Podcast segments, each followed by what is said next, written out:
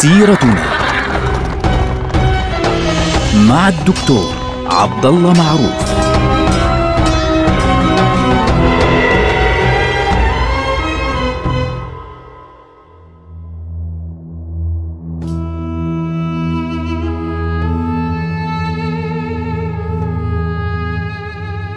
السلام عليكم ورحمة الله وبركاته. سيرتنا سيرة هذه الأمة العظيمة ونحن الآن مع عمر بن الخطاب رضي الله عنه الخليفة الفاروق أمير المؤمنين بعد أن خطب خطبته الأولى وبدأ يجهز القرارات الأولى التي سيتخذها رضي الله عنه وأرضاه في آه، مستهل خلافته.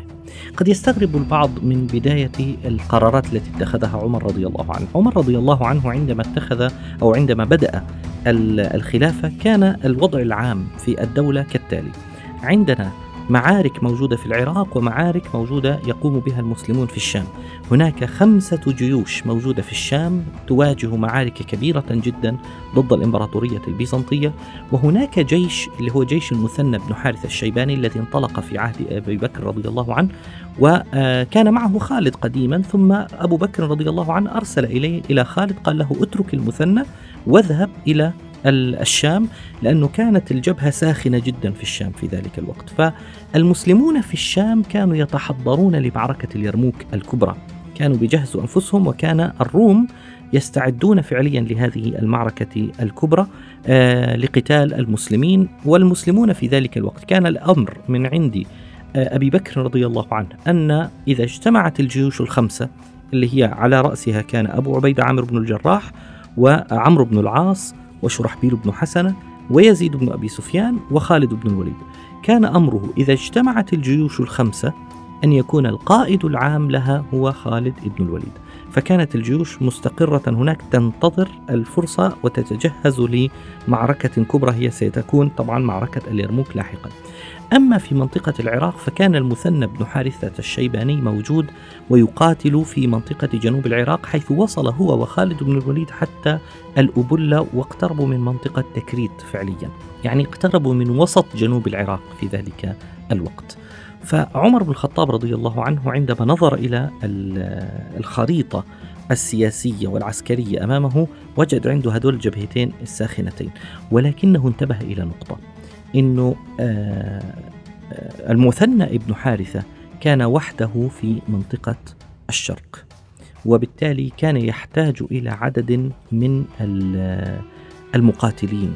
لعمر بن الخطاب يعني يرسلهم عمر بن الخطاب إليه ليقاتلوا معه لأن هناك مقاومة بدأ الفرس آه، طبعا إمبراطورية الفرس لم تسقط فعليا. بدأت المقاومة تشتد عليهم عندما أخذ قائدهم العام رستم. طبعا رستم ليس آه، إمبراطور. الإمبراطورة كانت في ذلك الوقت بوران بنت كسرى وأطلقت يد هذا الرجل رستم في شؤون الدولة. كانت معطيته كل الصلاحيات فكان ينظم هذه المقاومة ضد المسلمين. فعمر بن الخطاب اتخذ قرارين مهمين جدا. في الناحية الغربية في ناحية بلاد الشام. فعليا اتخذ قرارا آه، بعزل خالد بن الوليد عن القيادة العامة وتولية أبي عبيدة عامر بن الجراح رضي الله عنهما يعني عن خالد وعن, آه، وعن أبي عبيدة توليته قيادة الجند بشكل عام. هذا القرار يبدأ الآن أعداء عمر بن الخطاب رضي الله عنه بالتشنيع عليه في هذا الكلام وادعاءات كثيرة يبدأون بإطلاقها منها مثلا طبعا في بعضها ادعاءات في غاية الطرافة إن والله عمر بن الخطاب كان يكره خالد من أيام الجاهلية وفي يوم من ذات الأيام تسابق الاثنان على الخيل فخالد سبق عمر فقال له طيب والله أوريك. آه بتشوف في المستقبل. طبعا هذا كلام فارغ فارغ. هذا كلام فارغ. أيضا بيجوك بعض الناس بيقول أصلا عمر كان يكره خالد لأنه كان يعني آه، مثله كان طويل مثله كان أصلع مثله كان هو اللي يعني يوازيه بالقوة. هذا كمان أيضا كلام فارغ. عمر بن الخطاب رضي الله عنه كان له عدة اعتبارات في عزل خالد رضي الله عنه بينها في رسائله التي أرسلها إلى الناس خاصة للجند عندما عزل خالد رضي الله عنه وعندما أعلن هذا القرار. اتخذ عمر رضي الله عنه هذا القرار لماذا؟ لأن خالد رضي الله عنه كان رجلا عسكريا بحتا عسكري بحت أما أبو عبيدة فكان رجلا دبلوماسيا المرحلة القادمة بعد معركة اليرموك التي ستأتي بعد معركة اليرموك عندنا آه، فتح دمشق والمدن الأخرى المختلفة في طبعا وستتوج بعد ذلك بفتح بيت المقدس. تحتاج إلى رجل مثل أبي عبيدة. رجل دبلوماسي يستطيع أن يشتد عند وقت الشدة وأن يرخي عند وقت الحاجة إلى الإرخاء. فأما خالد رضي الله عنه فكان يميل دائما إلى الحسم العسكري لأنه رجل عسكري في النهاية مش رجل سياسة. فهذه نقطة أولى. نقطة ثانية آه، عمر رضي الله عنه كان يرى أنه آه، الناس بشكل عام كانت قد يعني افتتن بعضهم بخالد بن الوليد فكانوا يقولون لا يغني أحد غناء خالد فهذا تبين له بوضوح عندما نظر في جيش العراق اللي مع المثنى ابن حارثة كانت معنوياتهم منخفضة إلى حد ما ليه؟ لأنه والله فقدنا خالد بن الوليد كيف سننتصر؟ كان بعضهم يقول هذا بكل وضوح.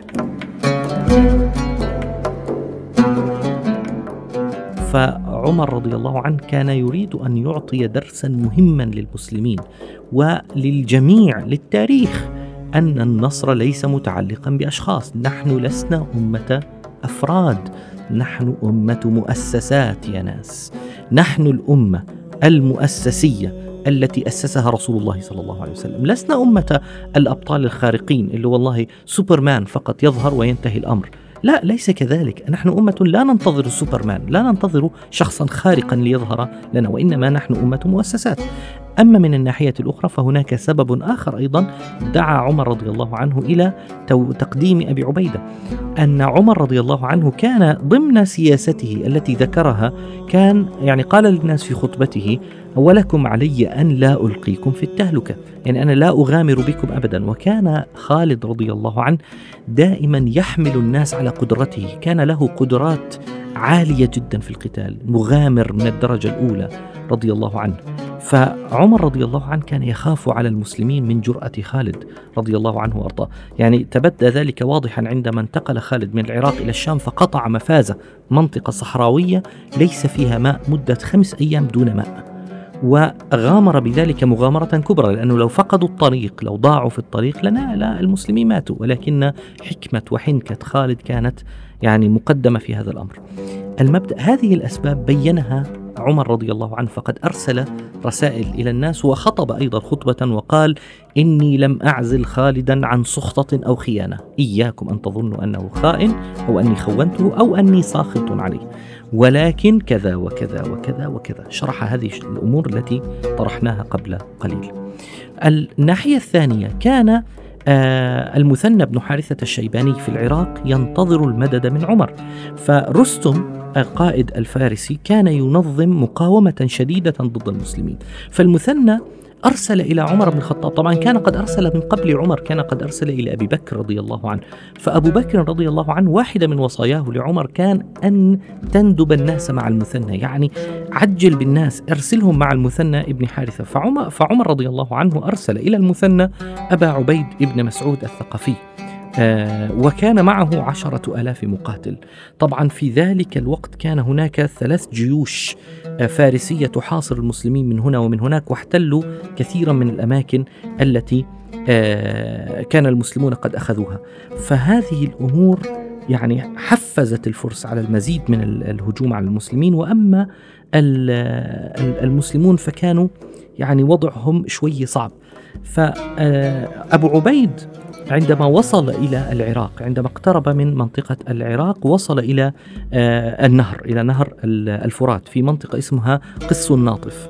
في هذه البقعة قال الفرس لأبي عبيد إما أن تعبر إلينا الجسر هناك جسر فوق نهر الفرات أو نعبر إليك. فقال لا والله بل نعبر نحن كي لا يكون أجرأ على الموت منا. لكنه في هذه الحالة وقع في مشكلة وقع في فخ. هذا الفخ طبعا تمثل في أن النهر أصبح وراءه بدلا من الصحراء. فلما جاءت الفيله وفاجأت المسلمين التي استخدمها الفرس استخدم الفرس هذه الفيله وخوفت الخيل بدأ الناس يتراجعون. فواحد من جند المسلمين من حتى يشجع المسلمين طبعا وهذا خطأ كان حاول أن يشجع المسلمين فقطع حبال الجسر فانهار الجسر ولكن الأمر تسبب في غرق عدد كبير من المسلمين. يعني استشهد من المسلمين في هذه المعركة في معركة الجسر كانت حوالي أربعة ألاف. غرق كثير منهم واستشهد كثير منهم تحت أقدام الفيلة. وبعضهم حتى وصل إلى المدينة المنورة منسحبا إلى المدينة. فعمر رضي الله عنه عند ذلك اتخذ قرارا يغير فيه استراتيجية كان أبو بكر رضي الله عنه قد اتخذها وهي منع كان أبو بكر يمنع الاستعانة بالمرتدين الذين تابوا خوفا من أن يعني تضعف هممهم. فعمر رضي الله عنه آه، قرر أن يرسل آه، المسلمين فعليا ويسمح للمرتدين الذين آه، عادوا إلى الإسلام يسمح لهم بالاشتراك بالفتوح وأرسلهم إلى المثنى. وحدثت بعد ذلك معركة أخرى بين المثنى ابن حارثة الشيباني. طبعا يعني في معركة الجسر قائد المعركة نفسه آه، قائد المعركة نفسه أبو عبيد الثقفي يعني استشهد في تلك المعركة.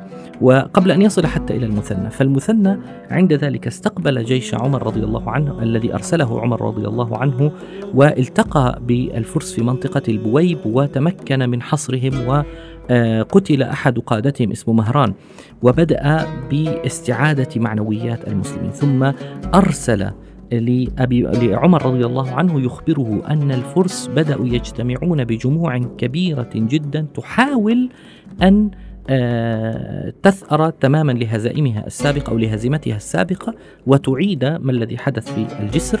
فعند ذلك قرر عمر رضي الله عنه أن يخرج بنفسه فمنعه المسلمون. فأرسل سعد ابن أبي وقاص رضي الله عنه. ما إن وصل سعد كان المثنى قد استشهد بسبب جروح.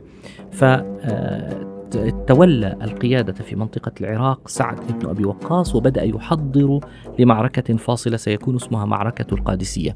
لكن على الناحية الأخرى كان المسلمون منشغلين أيضا بما يحدث في الشام على وشك أن يدخلوا في معركة كبرى هي معركة اليرموك. نلقاكم على خير. والسلام عليكم ورحمة الله وبركاته.